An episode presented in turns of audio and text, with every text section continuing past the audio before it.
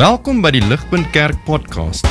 As Ligpunt Gemeente is dit ons begeerte om God te verheerlik deur disippels te wees wat disippels maak en 'n kerk te wees wat kerke plant. Geniet hierdie week se preek.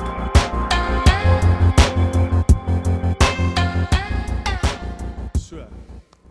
Soos wat ek hierdie preek geskryf het, het my kop gegaan ehm um, na 'n afloswedloop toe. Okay, soos 'n relay race. Ehm um, dis min goed so stresvol, wel dis klaar stresvol genoeg om in die hoërskool te wees.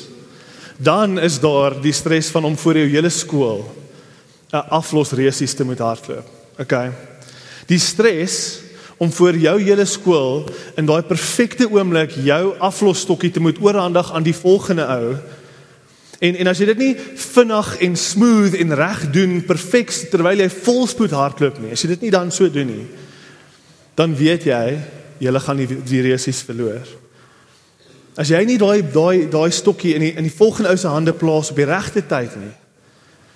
As jy hom as jy hom fumble, as jy hom laat val, nie net verloor jy die resies nie, maar jou skool haat jou. Okay, kan julle sien ek praat uit ervaring uit. Okay. En en soos as ons hieraan dink, nê, nee, as ons dink aan daai aflosstokkie oorhandig. Vanoggend gaan ons praat oor hoe dit lyk om die aflosstokkie van die evangelie oor te handig. Kyk, die die storie van Christendom is 'n storie van 'n afloswedloop waar elke gelowige bestaan en net hier, julle sit net hier, jy bestaan net hier vandag omdat iemand anders, 'n ander gelowige, het erns vir jou 'n stokkie gepas. Hierdie aflos wedloop vind al vir die laaste 2000 jaar plaas al die pad terug tot die oorspronklike 12 en terug self dan na Jesus toe. Jesus het vir Petrus geroep. Petrus het sy broer geroep. Volgende oomblik vat Petrus en sy broer Jesus na hulle gesin toe. Die oomblik daarna sien ons Petrus spreek skielik aan 'n hele skare die evangelie. Hy pas heeltyd die stokkie aan. En so het dit aangegaan. Die stokkie word aangepas en aangepas tot dit by ons uitgekom het, tot dit by jou uitgekom het. Om die boodskap aan te pas in Christendom is fundamenteel. Dit is dit is dit is ons bestaansrede, so te sê. Dis fundamenteel tot tot wie ons is. Jesus se laaste woorde aan sy disippels aan ons was go and make disciples. Pas die stokkie aan. Die vraag vanoggend is is ons besig? Is ons besig om die stokkie aan te pas? Is ons besig om dit te fumble? Hoe lyk dit om intentioneel die boodskap af te los? Want dit is fundamenteel tot 'n gesonde kerk. En so ons gaan vanoggend kyk na Kolossense 4 vers 2 tot 6 op julle blaadjies. Dis 'n lekker kort teks wat oneindig ryk is. En so ek wil julle vra, hou daai hou daai blaadjies byderhand en kyk saam met my. Ons gaan hierdie stukkie oopmaak in twee punte. Twee eenvoudige punte. Ons gaan kyk eerstens bid vir geleenthede. Dis die eerste hoe moet ons hierdie ding doen? Hoe moet ons hierdie stokkie aanpas? Eerstens in vers 2 tot 4 bid vir geleenthede. En dan tweedens vat dan die geleenthede. Okay, in vers 5 tot 6 sien ons hoe dit lyk om om dan daai geleenthede waarvoor ons bid om die aflosstokkie aan te pas. In die tweede punt gaan ons kyk vat dan daai geleenthede. En so kom ons spring in sommer dadelik daar in vers 2. Kyk sommer in vers 2. sien julle weer eens die sentraliteit van gebed. 'n Gesonde kerk is 'n biddende kerk. As jy nie laasweek geluister het nie, gaan luister. Dis dis die moeite werd. Vers 2 sê continue steadfastly in prayer. Devote yourselves to prayer, sê die NIV daarso. Dis dis om aan te hou sonder ophou, getrou, week na week, dag na dag standvastig in gebed. En soos Poen laasweek genoem het, dis brood nodig, né? Nee, dis essensieel. Paulus sê die woorde by and being watchful in it in prayer, being watchful in thanksgiving. So so wat moet deel wees van van ons gebede? Being watchful, uh, alert, sê die NIV daar vir julle. Dit dit wys ons iets van net hoe deurdrenk ons lewens moet wees in gebed. Hierdie is nie bloot net stilte tyd nie, al is dit hoe belangrik. Hierdie is hierdie is watchful. Hierdie is alert. Jy jy's op soek na geleenthede om gebed in jou dag in te bring. Jy's altyd kan ek nou bid? Kan ek nou bid? Is hierdie 'n goeie geleentheid? Jy's watchful. Jy's heeltyd alert. Being watchful in it with thanksgiving. Soekend. In elke situasie kan ek nou dankie sê. Kan ek nou dankie sê? In elke moeilike situasie waar ek twyfel of sukkel of oorweldig is, stop. Moenie net aangaan nie, wees watchful. sien raak, hierdie is 'n geleentheid vir my om te bid. Hierdie is 'n geleentheid vir my om nie staat te moet maak op myself nie, maar ek kan bid. Ek kan staat maak op my hemelse Vader. Praying constantly, devote yourself to prayer. Jy wat wat wat Paulus hier hier beskryf? Ek wil vinnig herhaal wat ehm um, wat wat Poen laasweek genoem het oor Acts. Ehm um, Acts is is is 'n klein weet rympie wat ons sê om ons te help om om te weet hoe ons kan bid. Uh, Acts sê vir ons ehm um, wanneer jy bid, adore, confess, thanksgive en en en supplicate of of supplication. Dis dis prys die Here. Bely jou sondes. Sê dankie en vra, supplicate, vra vir wat jy wat jy nodig het. En Paulus sê devote yourselves to prayer. Oral waar jy geleentheid kry, acts, acts, adore, confess, thanksgive, supplicate. En en en en hier's vir ons teks nou skielik so 'n bietjie van 'n uh, ons 'n sidestep gee. Hy draai so 'n bietjie. Want hier van hier af aan gaan die teks vir ons sê so belangrik soos wat dit is vir ons om te sien dat gebed moet deel wees van ons lewens. So belangrik soos wat dit is. Vanoggend sê Kolossense 4 vir ons gebed is nie eerste vir jou gegee vir jou struggles nie. Gebed is nie eerste vir jou gegee vir jou gemak nie. Gebed is nie eerste vir jou gegee vir wat jy persoonlik nodig het eerste nie. Dit is deel van gebed. Dis deel van gebed. Maar gebed is eerste vir ons gegee vir ons missie. Gebed is eerste vir ons gegee vir ons missie. vir die verspreiding van die evangelie. Gebed voel ek soos wat ek hierdie teks lees is die dis dis in baie gevalle die vergete bestanddeel van evangelisasie. Hoor weer wat sê Paulus hier, lees saam met my. Hy sê pray for us too. sien julle dit? That God may open a door for our message so that we may proclaim the mystery of Christ for which I'm in chains in verse 4 pray that I may proclaim it clearly as I should. In in in wat my verbaas het is die sentraliteit van gebed in in die in e-, evangelisasie. Daar's soveel ander verse wat hieroor praat. En erns dink ek ons het ons mis dit. Ehm um, kyk vandag uh, Tessalone Tessalonisense 3 vers 1. Uh pray for us that the message of the Lord may spread rapidly and be honored just as it was with you. Ephesians says, pray for me that whenever I speak words may be given to me so that I may fearlessly make known the mystery of the gospel for which I'm an ambassador in chains. Pray that I may declare the gospel, it, the gospel, fearlessly as I should. Handelinge 4:31. Uh, hierdie is waar die kerk die eerste keer vervolg word. Hulle het rede om nie die evangelie te moet deel nie. Hulle is, hulle kan bang wees. Hulle kan onttrek, maar hoor wat bid hulle. After they prayed, okay? The place where they were meeting was shaken. After they prayed, and they were all filled with the Holy Spirit and spoke the word of God boldly ek ek herhaal myself maar ek dink ons ek dink ons moet dit hoor.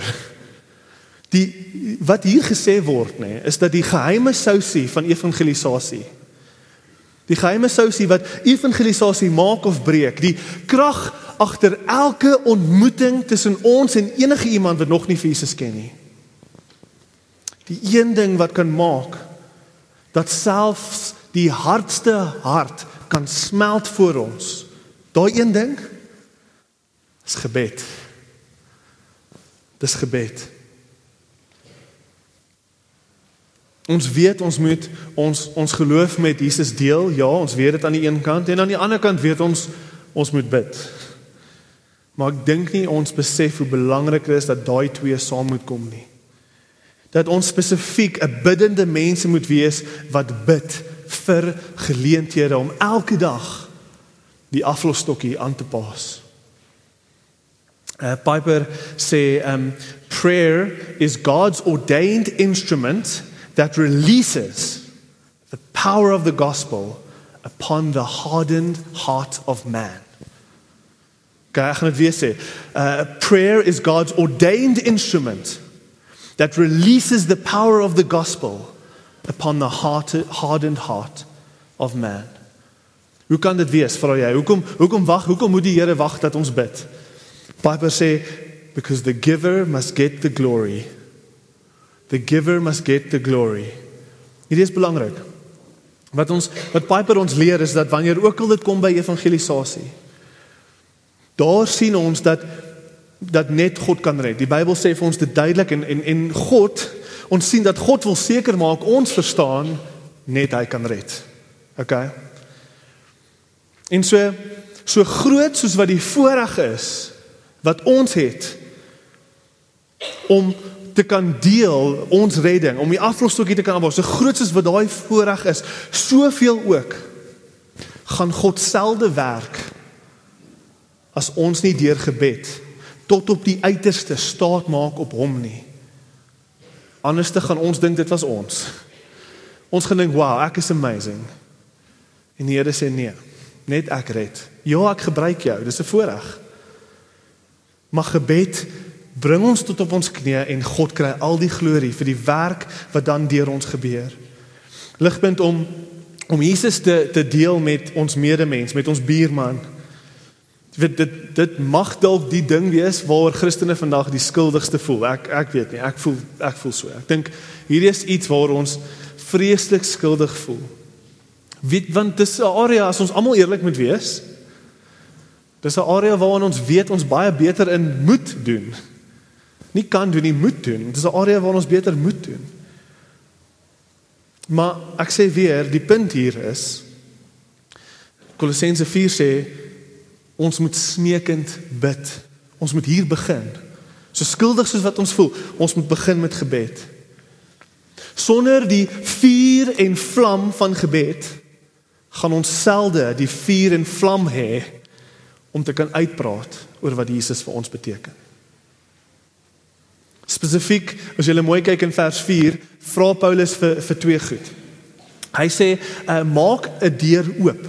Open a door." So hy bid vir geleenthede, nê? Nee? Hy bid vir 'n oop deur, 'n geleentheid.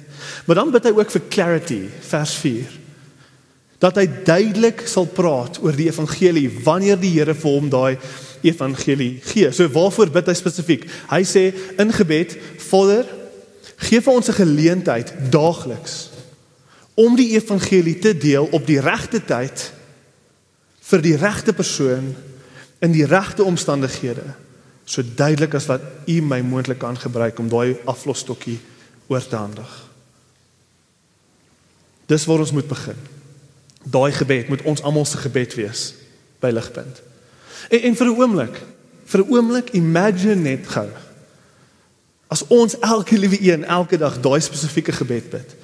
Here, gee vir my die geleentheid, maak vir my 'n deur oop elke dag om die evangelie duidelik te deel op die regte tyd vir die regte persoon in die regte omstandighede. As ons elke dag daai gebed bid, daai eenvoudige gebed bid. Julle mense sal by die vensters uithang by hierdie kerk. Ons sal bars uit ons nate uit. Waar ligpunt dis waar. Okay, 'n gesonde kerk is 'n evangelie verkondigende kerk. Maar ons sukkel, né? Nee? Dis vir ons moeilik. Hierdie is nie so eenvoudig soos wat dit nou klink nie. Dis dis in daar buite, dis moeilik. Dalk dalk is jy 'n bietjie spyt jy het kerk toe gekom vanoggend. Want jy weet nou jy moet met jou baas gaan praat oor Jesus. Maar maar ek weet ons sukkel met hierdie. Ek weet ons het baie skuldgevoelens. Ek weet hierdie is moeilik. So kan ek net Hoor asseblief mooi wat wat ek probeer sê vanoggend. God se woord sê vir ons: Ja, jy kan altyd meer doen en ja, jy moet heel moontlik meer doen. Maar kom ons begin hier. Kom ons begin om ons koue harte weer warm te bid vir ons verlore vriende, familie en kollegas. Kom ons bid dat ons 'n geleentheid sal kry daagliks om die evangelie duidelik te deel. En en hoe meer ek daaroor dink, nê, nee, hoe moeiliker dit daar buite is, hoe meer besef ek hoe kan ons hierdie sonder gebed probeer doen? Hoe kan ek dink dat ek op myself kan staat maak om iets so so moeilik soos om die evangelie aan 'n harde hart te probeer deel en hom te probeer of haar te probeer oortuig? Hoe kan ek eers dink ons kan hierdie sonder gebed doen? Om 'n uh, ek ek het 'n amazing quote gekry van van George Mueller. Hy was 'n 'n powerful evangelist in um 1864 en daai tydperk 1860 en, en hy hy skryf hierdie hierdie is 'n voorbeeld van hoe dit lyk om daagliks te bid.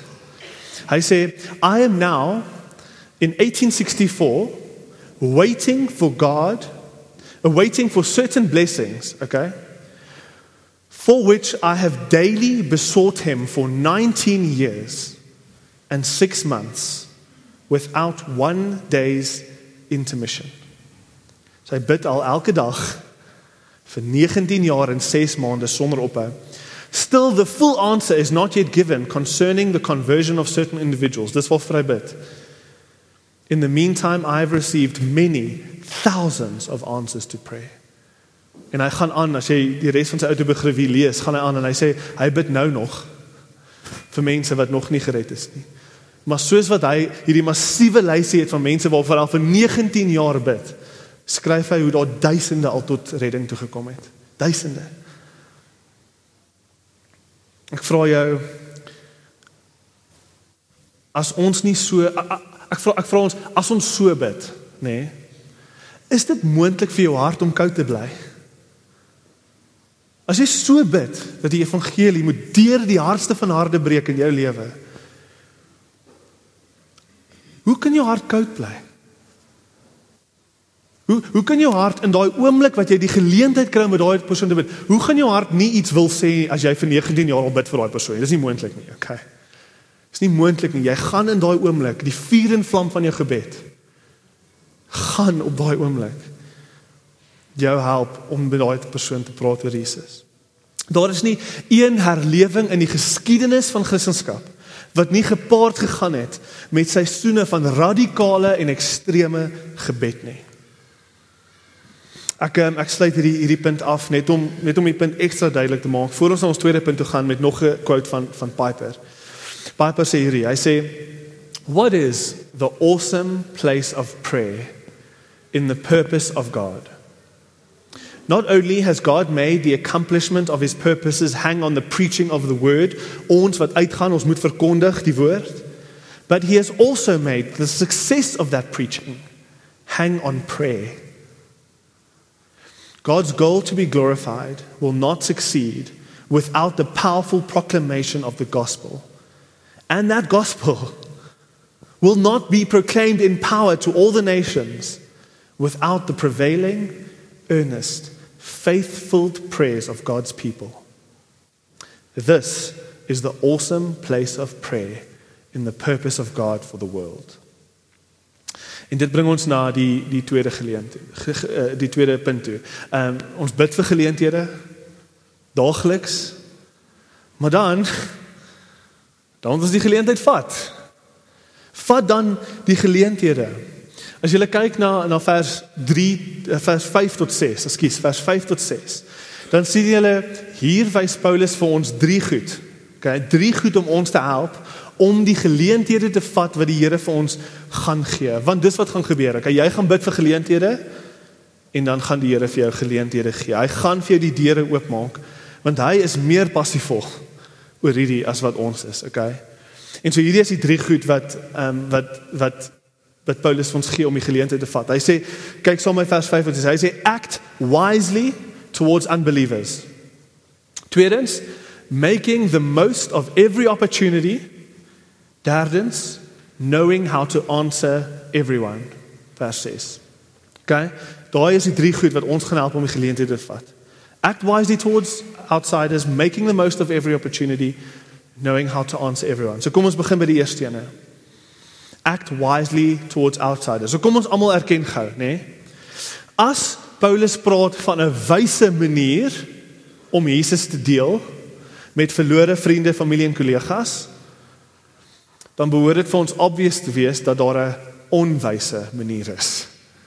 As daar 'n wyse manier is, is daar 'n onwyse manier.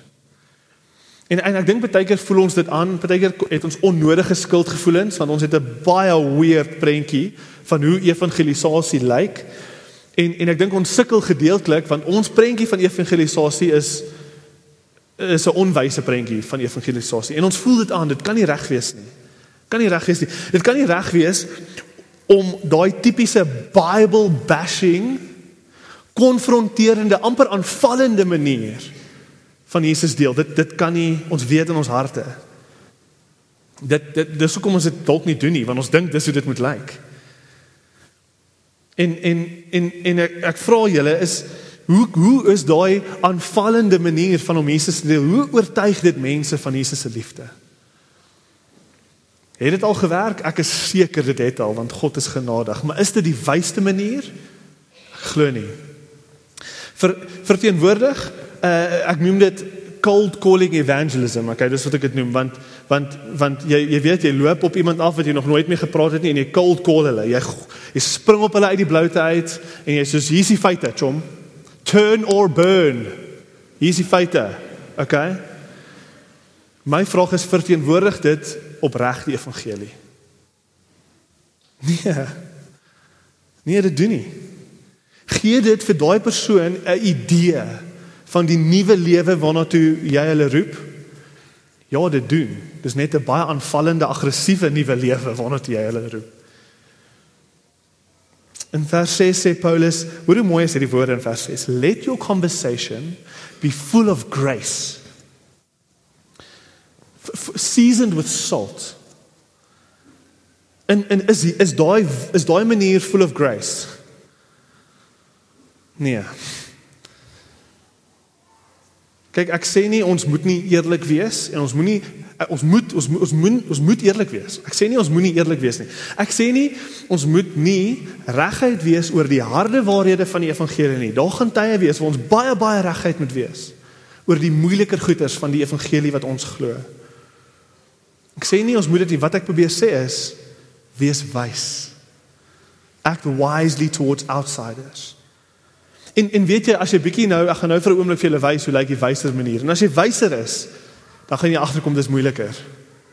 Dis moeiliker om wys te wees met die evangelie as wat dit is om af te storm op, iemand wat jy nie ken en hulle 'n paar harde feite te drop en dan weg te loop nie, okay?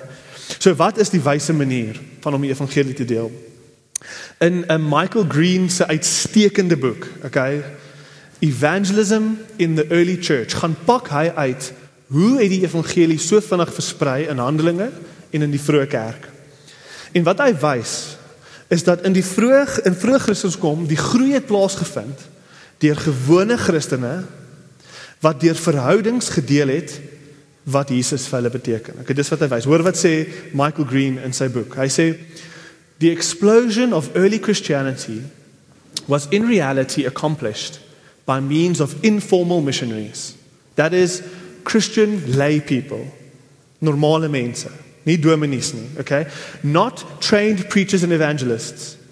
Carried on the mission of the church not through formal preaching, but informal conversation in homes, at wine shops, on walks around the market stalls. They did it naturally, enthusiastically, having found the treasure, they meant to share it with others to the limit of their ability. Die die wysste manier om jou geloof te, om jou geloof te deel is om opreg te bly.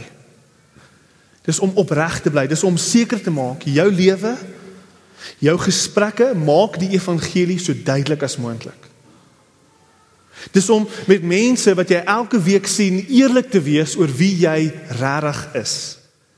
Daar is meer as genoeg mense wat ons weekliks sien.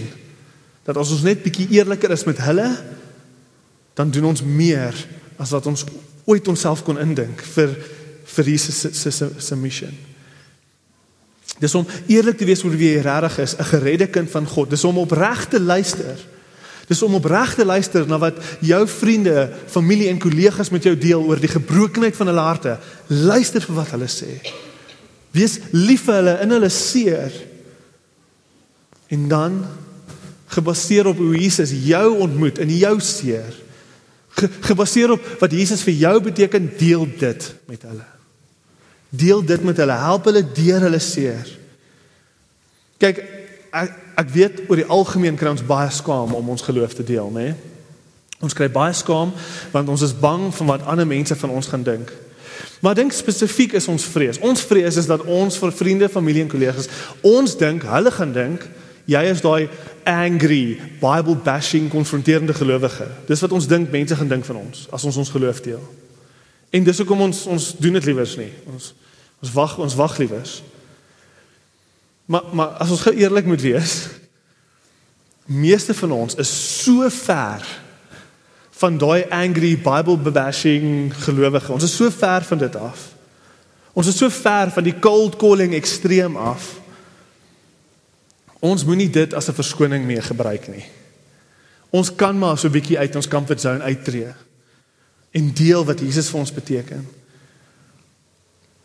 So so o, o, ons moenie vrees dat mense ons nie reg gaan verstaan nie en ons moenie dit meer as 'n verskoning gebruik nie want deel gaan daar gedeel moet word iets gaan gesê moet word spesifiek die evangelie gaan uit jou mond uit moet kom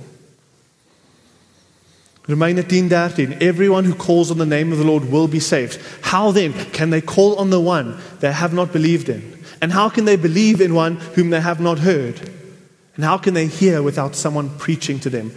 Gedeel gaan daar gedeel moet word. Maar maar hier is die punt. Die punt is ons as ons net vir 'n oomblik, nê, nee, moet dink aan kom ons kom ons haal evangelisasie gou van die tafel af. Haal dit gou. Moenie ons dink ons praat nie meer daaroor nie vir die volgende minuut. Ek kan praat nie meer daaroor nie. As ek net na jou moet kom en ek vra vir jou sê net gou vir my wat beteken Jesus vir jou? Sê net vir my, reguit, wat beteken Jesus vir jou? En jy sê vir my, "Sjoe, Johan, um, my lewe was 'n wrak." My lewe was 'n wrak. Iemand het uitgereik. Iemand het vir my gebid, iemand het my kerk toe genooi. Ek het bidend begin vra dat Jesus my sou red. Ek het bietjie meer begin kerk toe kom. En ek het baie met daai pel begin praat oor geloof en weet jy wat my lewe is nou glad nie meer dieselfde nie. Weet jy wat Johan? Jesus het my lewe verander. En ek is nie meer dis uit my lewe, uit my uit my huwelik gered. Hy het my verlos van my verslawing, hy het my eensaamheid weggevat en aan en aan en ek. Dis wat jy gaan sê vir my as ek jou net moet vra, wat beteken Jesus vir jou? Daai is jou opregte liefde en waardering vir Jesus. Wat kan moontlik fout wees daarmee om dit te deel met jou vriende terwyl jy 'n bier drink na werk en bietjie dieper gesels oor geloof? Wat kan moontlik fout wees daarmee? sien julle ons ons moet deel. Ons moet deel en en en weet jy as jy so deel gaan niemand jou ooit ervaar as konfronterend en Bybel dis 'n verskoning. Sit daai bietjie weg. Dis nie wat hier aangaan nie. Jy wat opreg jou hart deel en jou waardering vir Jesus deel met jou pelle. Daar word jy in elk geval som kuier. Dit is wat hier aangaan. Daai daai daai pad wat jy stap met daai mense, dit is die wysste manier om jou geloof te deel met jou vriende. Maak Jesus meer en meer deel van jou lewe en soos wat hy jou lewe ryker en makliker en dieper maak. Deel daai ervarings met jou vriende en met jou familie en jou kollegas, soos wat hulle met jou kom deel oor hulle worstelinge en en, en seertye ensovoorts. Um Keller Keller deel dit regtig goed. Hy hy hy sê dit so. Hy sê it is informal but sustained relationships and conversation that will become more important in our increasingly secular world. As many Christian beliefs are highly offensive to people, as was the case in the first century, now as then, most people won't show up to hear Christian public speakers. Movement toward Christian belief will have to be personal, organic, and incremental, stadig. We must question our friends' working answers about their about meaning, morality, identity and hope. Ons moet moet die. We must also take time to answer their questions about Christianity. How do we do this? Friends share their hearts with each other and do what is best for each other. If you're a Christian, then evangelism will come out naturally and organically in friendship if you don't let your pride, fears, and pessimism cut it off and make you hide your faith and heart from them. From them.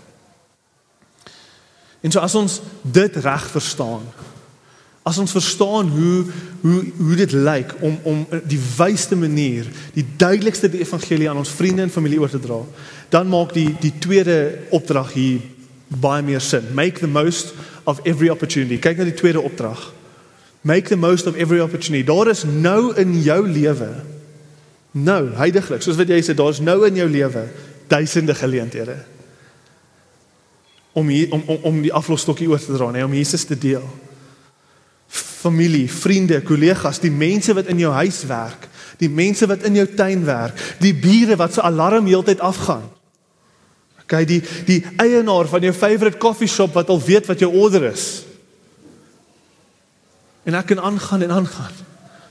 Daar's duisende mense waarmee jy 'n opregte gesprek kan begin om om te deel oor wie jy is, wie jy regtig is. Daar was 'n ou in ons vorige kerk in in my vorige kerk in die Kaap. Daar was 'n ou sy naam was Gilhan. Ehm um, Gilhan was van Ghana af, hy en sy hele gesin, okay? Hy was 'n sekuriteitswag ehm um, by een van die ouens in ons kerk se se werk, oom Leo, oom Leo van Buren. Okay, oom Leo het amper elke dag vir Gilhan gesien daar in sy sekuriteitsboksie wanneer hy by die werk aankom, elke dag. En hulle het elke dag so 'n bietjie gechat, hallo gesê, small talk, jy weet. En eendag toe sien oom Leo Gilhan lyk nie lekker nie. En hy vra hom, "Gilhan, is jy okay? Wat gaan aan?" En hy sê, "Yes, ons is ons is stoksiel alleen. Ons is van Ghana af. Ons het geen ondersteuning nie." Ons is brandarm en weet jy my vrou het nou net my vrou is so siek. My vrou is so siek. Ek weet nie wat om te doen nie. Oom Leo sê vir Gilhan, "Luister, kan ek vir jou bid? Kan ek vir jou bid?" En hulle bid saam. Hy sê oom Leo sê ek is 'n Christen en wanneer ek sukkel dan bid ek. Kan ek vir jou bid? En hy bid saam met hom. Die dag daarna, toe vat oom Leo 'n Bybel vir Gilhan en gee hom 'n Bybel en sê, "Hey, Gilhan, jy het baie tyd hier in jou sekuriteitsboksie. Kan jy sit net dag en nag hier?" Lees bietjie hier. Lees bietjie hier en as jy enige vrae het, kom vra my. Vir die volgende jaar het oom Leo en Gilhan gereeld gepraat oor die Bybel. En eventually op 'n dag het Gilhan tot 'n 'n reddende kennis van Jesus gekom en hy het gesê ek wil vir Jesus volg. As al hierdie goed waar is, dan wil ek my lewe vir Jesus gee. En van daai dag af het Gilhan en sy gesin nie 'n dag van kerk gemis nie, nê. En hy's vandag is hy 'n diaken in in daai kerk. En hy's gereeld besig om Bybels uit te gee vir ander sekuriteitswagte en hy sê vir hulle, "Hey, jy het baie tyd soos wat Jesus sê." En hy gee vir hulle 'n Bybel en hy sê lees bietjie hier. En hy hy deel baie, hy deel openlik sy getuienis en hy sê daai dag het sy lewe en sy hele gesin gered. Make the most of every opportunity. Oom Leo kon daai dag uh, vir hom gebid het. Lekker skiet gebytjie gou daar en dan kon hy teruggegaan het small talk toe, né? Nee? Maar die punt is dit is nie wat dit beteken to make the most of every opportunity nie. Dis nie. Daar was 'n oop deur voor oom Leo. Daar was 'n oop deur vir hom gegee. Make the most of elke opportunity. Dalk vir dit 'n dag, dalk vir dit 'n jaar, Dalk kos dit jou tyd of geld of moeite, dalk kos dit jou 'n naweek of twee. Maar Leo het die het die opportunity gevat. Hy het die meeste gemaak van daai geleentheid. Hy het die meeste gemaak van daai deur wat die Here vir hom oopgemaak het met hom. Hy het nie teruggegaan smol tok nie, nie. Hy het gekapitaliseer op daai oop deur. Daar waar die Here vir jou 'n oop deur oopmaak, daar waar hy vir jou 'n deur oopmaak, kan ons seker maak ons skop daai deur af voor ons aanbeweeg kan ons seker maak ons val nie terug na skietgebedjies toe en 'n God bless you toe nie. Kan ons nie teruggaan na dit toe nie. Kan ons seker maak ons ons gebruik elke geleentheid tot op die uiterste wat die Here vir ons gee. sien julle hoekom hierdie manier van evangelisasie moeiliker is as om gou af te storm op iemand en te sê turn and burn. Kan julle sien? Hierdie vat ons lewe, dit vat ons tyd. Hierdie vereis dat ons moet betrokke raak in mense se lewens, ons moet eintlik omgee. En soos reeds genoem, ons moet bid vir hierdie geleenthede. Ons moet bid. Ons moet smeek en bid dat die Here hierdie deure vir ons sal oopmaak. En dan na jy gebid het, dan moet jy nie verbaas wees as hierdie week wat kom, nê, na vandag as ons bid vir vandag. As hierdie week as een van jou kollegas na jou toe kom en sê, "My lewe is gemors." Dit is wat hier aangaan. Jy het net 'n geleentheid gegee om in liefde te sê, "Hey, hierdie is wat ek doen en hierdie is my storie en hierdie is waar die Here my deurgevat het." En go. Vat die geleentheid en maak die meeste daarvan. En dit bring ons na die na die derde punt. Hoe ge, hoe gebruik ons elke geleentheid? Nê, nee, dis die vraag. Ons deel wat ons glo met wysheid, opregtheid en eerlikheid. Ons maak die beste van elke geleentheid en dan derdens, nê? Nee, dan moet ons reg wees om goeie Bybelse antwoorde te gee vir almal wat ons uitvra oor ons geloof. Dis die derde ding. Ons moet reg wees. Ons moet reg wees Uh, hoor wat sê sien sien julle wat sê vers 6 let your conversation always be full of grace seasoned with salt so that you may know how to answer everyone Hierdie is vreeslike belangrike verse So imagine net gou God antwoord ons gebede en hy gee vir daai geleentheid okay Hy gee vir daai geleentheid en daar staan jy met die perfekte geleentheid en iemand vra jou 'n vraagie oor jou geloof En daar staan jy met 'n bek vol tande. En uh um um ek sal my my dominee gaan met bel. Um ek gaan vir jou uitvind. Kyk, dis oukei. Okay. Die is baie genade, maar hierdie is harde verse en ons moet dit hoor. Ons moet die gewig van hierdie verse voel. Baie van ons weet wat ons glo. Maar min van ons weet genoeg genoeg van wat ons glo om dit te kan deel.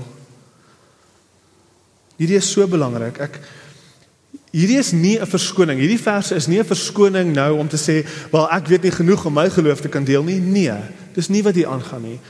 Die Heilige Gees gaan opmaak vir al jou tekortkominge. Vat elke geleentheid wat jy kan en deel jou geloof. Deel wat jy kan, deel jou storie. Daar's baie wat jy kan deel oor oor wie Jesus is.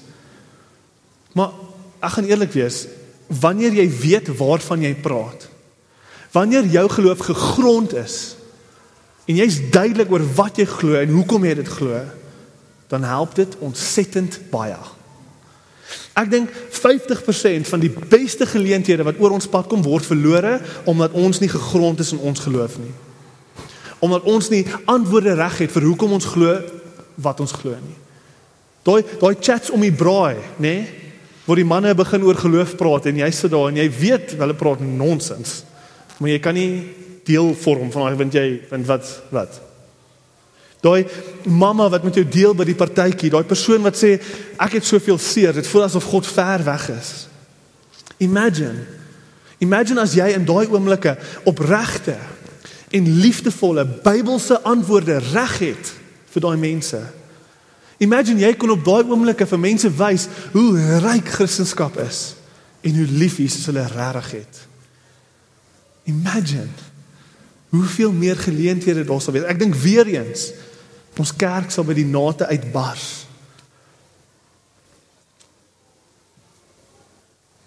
En en dis al wat hierdie is. Dis basics. Hierdie is waarvan ek praat om gegrond te wees in jou geloof is om 'n werkende kennis te hê van die basics. Dis nie 'n teologiese graad nie. Christendom was nog nooit versprei deur mense met teologiese graad primêr nie. Dit was deur ordinary peoples versprei. Okay, dis 'n werkende begrip van die basics van jou geloof. Die die al, al 1 Petrus, dis 'n bevel, dis 'n belangrike bevel in God se woord. 1 Petrus 3 vers 15.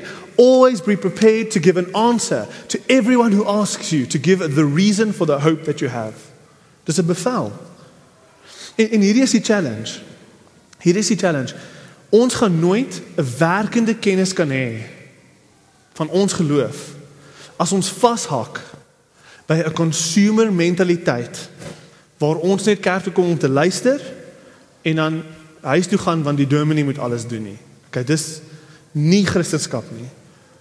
Dis nie Jesus se verstaan van wie 'n disipel is en wat die kerk is nie. En ons gaan nooit die moeite doen om daai werkende kennis op te bou nie. Weet jy wat 'n great boek wat jy kan gaan lees? Um John Stott's A Basic Christianity. Okay, John Stott se Basic Christianity gee vir jou 'n 'n solid werkende kennis van jou geloof. Maar jy gaan nooit die tyd daarvoor maak as die verantwoordelikheid om die aflosstokkie nie solidly by jou lê nie. As dit as dit die overal voor is se werk is want hy het al die kennis, nê? Nee, hy weet wat hy doen. As dit net ons werk is wat hier voor staan.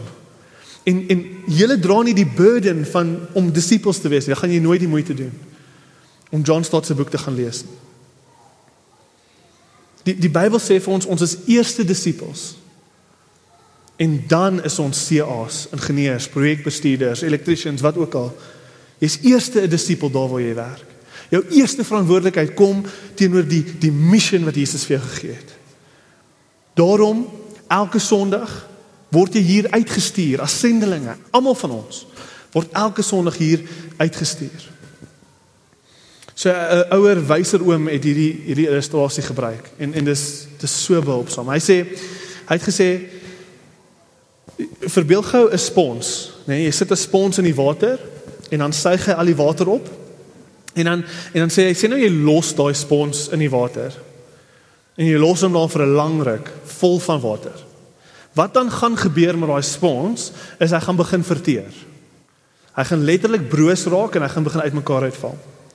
Maar dan sê hy maar as jy 'n spons in die water sit en jy gebruik hom en hy word vol water gesuig en dan word hy uitgedruk soos wat jy hom gebruik en dinge was ensovoorts. En sit jy weer terug in die water en dan druk jy hom weer droog soos wat jy hom gebruik. As dit met 'n spons gebeur, dan hou hy basies vir ewig. Hy sê hierdie hy hy sê hoekom is Christene vandag so koud en leeg? Hoekom voel soveel Christene asof hulle geloof geplateau het. Asof hulle hulle nie meer groei nie. Inteendeel, hulle voel hulle gaan agteruit. Hy sê want hulle is so sponse wat net opsuig elke Sondag na Sondag hulle suig net op en hulle is so vol, hulle kan nie meer hoor wat gesê word nie. So hulle is vol, hulle is vol, hulle is hulle is saturated en hulle hoor nie meer wat gesê word nie. Maar Sondag na Sondag kom hulle om hulle self ergens nog te probeer opsuig maar hulle word nooit uitgedruk in die wêreld nie. En daarom bly hulle geloof oppervlakkig. Ligpunt as ons hier uitgaan en ons word uitgedruk, nê? Dan gaan as as as as jy nie uitgedruk word nie, dan gaan jy gesatureerd bly en daar gaan nooit plek gemaak word in jou lewe vir jou om in jou geloof te verdiep nie. Jou kennis gaan nooit getoets word nie. Jou geloof gaan nooit verdiep nie Want niemand gaan jou ooit challenge nie. Niemand gaan ooit meer van jou vereis nie. Jy word nooit uitgedruk nie. Maar as jy uitgedruk word, as mense jou challenge, as jy daar uitgaan en jy gaan in die sendelingveld in en jy ervaar hoe moeilik dit is en jy word letterlik elke dag in uitgedruk, uitgedruk, dan gaan jy Sondag na Sondag terugkom. En jy gaan hier opsuig. Jy gaan opsuig. Jy gaan sê gee my antwoorde. Poen, gee my antwoorde. Ek kort antwoorde. My pelle sê dit en dit en dit vir my. En daar gaan jou geloof verdiep, verdiep, verdiep. Dis dis die punt. Dis die punt van hierdie. Die punt is jy gaan nooit jou geloof wil verdiep as jou geloof nie ge-challenge word nie, as jy nie daar buite uitgedruk word nie. En weet jy hoekom hierdie belangrik is? Weet jy hoekom belangrik is dit om moeite te doen? Dis belangrik vir ons om moeite te doen. Dis belangrik vir ons om betrokke te raak in mense se lewens. Dis belangrik vir ons om werklike liefde uit te leef saam met die boodskap van Jesus. Dis belangrik vir ons om die meeste te maak van elke geleentheid al vat dit hoeveel tyd en geld en moeite. Dis belangrik vir ons om onsself te grond in ons geloof sodat ons altyd 'n antwoord het. Dis belangrik om hierdie goed te doen, om al hierdie moeite te doen. Weet jy hoekom? Want Jesus het dit en meer vir ons gedoen. Jesus het dit en meer. Jesus het 100 keer meer as dit vir ons gedoen sodat ons nie verlore sal gaan nie. Jesus het alles gegee, hy het sy lewe gegee en hy kon opreg 100 keer omdraai en sê nee, nie vir hierdie mense nie. Hy kon maar hy het nie want hy het geweet Ons enigste hoop is dat hy deurdruk al die pad kruis toe. Dat dat ons enigste hoop is dat hy sal deurdruk dat al ons sondes op hom sal land. Dat hy die dood sterf wat ons verdien. Dat dat ons die dood sal oorwin deur die feit dat hy die dood oorwin het. Dit was ons enigste hoop en hy het alles gegee. Sodat jy die nuwe lewe nou kan hê. Nou moet ons die aflosstokkie aanpas. Dis nou ons roeping. Ons is disippels. Ek weet jy wil hierdie nie hoor nie, maar dis dis die harde waarheid van die belangrikheid van hierdie. Daar is mense nou in jou lewe wat uniek en spesiaal net oor jou pad gebring gaan word. En in daai oomblik is jy hulle enigste hoop tot die ewige lewe. In daai oomblik is jy hulle enigste hoop tot die ewige lewe, want jy het die boodskap. En die Here het hulle oor jou pad gebring. So ligpunt, kom ons hoor opnuut hierdie opdrag. Kom ons hoor opnuut dat as ons elkeen uitgaan en ons verkondig die evangelie, dan is ons 'n gesonde kerk. Ek sluit af. Ek probeer altyd hierdie ehm um, die erns in 'n preek inwerk. Okay, ek probeer altyd hierdie inwerk. Wanneer ek praat oor evangelisasie, wil ek hierdie quote in my preek hê. En ek gee eintlik om as ons dit 10 keer hoor nie. Ons moet dit dalk 100 keer hoor. Maar hoor net weer asseblief hierdie woorde van Charles Spurgeon. Okay, Charles Spurgeon het hierdie gesê: If sinners be damned, at least let them leap to hell over our dead bodies. And if they perish, let them perish with our arms wrapped about their knees, imploring them to stay. If hell must be filled, let it be filled in the teeth of our exertions and let no one go unwarned and unprayed for. Amen. Kom ons bid saam. Almagtige God, Papa Vader, vanoggend is ons is ons gebed ehm um, presies waarvoor Paulus gesê het ons moet bid. Ehm um, ons bid dat U aan ons harte sal openbaar wat ons ontvang het in Jesus. Ons bid dat U ons deure sal sal oral in ons lewens sal deure oopmaak om om daai selfde ding wat ons ontvang het, Vader, om dit aan te pas. Om dit aan te pas. Help ons om gee ons geleenthede die weer. En en help help dat ons daar in daai geleenthede die evangelie duidelik nie net sal uitleef nie, maar duidelik sal deel. Vader, maak ons onmenslik wys teenoor die mense wat ons gaan teekom hierdie week sodat ons opreg die duidelikste manier moontlik die evangelie die evangelie kan uitleef teenoor hulle. Duidelik, so duidelik as moontlik die evangelie kan verkondig. Geef vir ons daai krag, deur die krag van die Gees. En dan vra ek laastens Vader. Uh gee vir ons die vuur en vlam om opnuut so te sê ons arms om hulle knieë te draai met passie en dringendheid om seker te maak Ons maak die meeste van elke geleentheid. Doen daai werk nou in ons midde. Bid ons in Jesus naam alleen. Amen. Vir meer inligting oor Ligpunt Kerk, besoek gerus ons webwerf op www.ligpunt.com of kontak ons gerus by info@ligpunt.com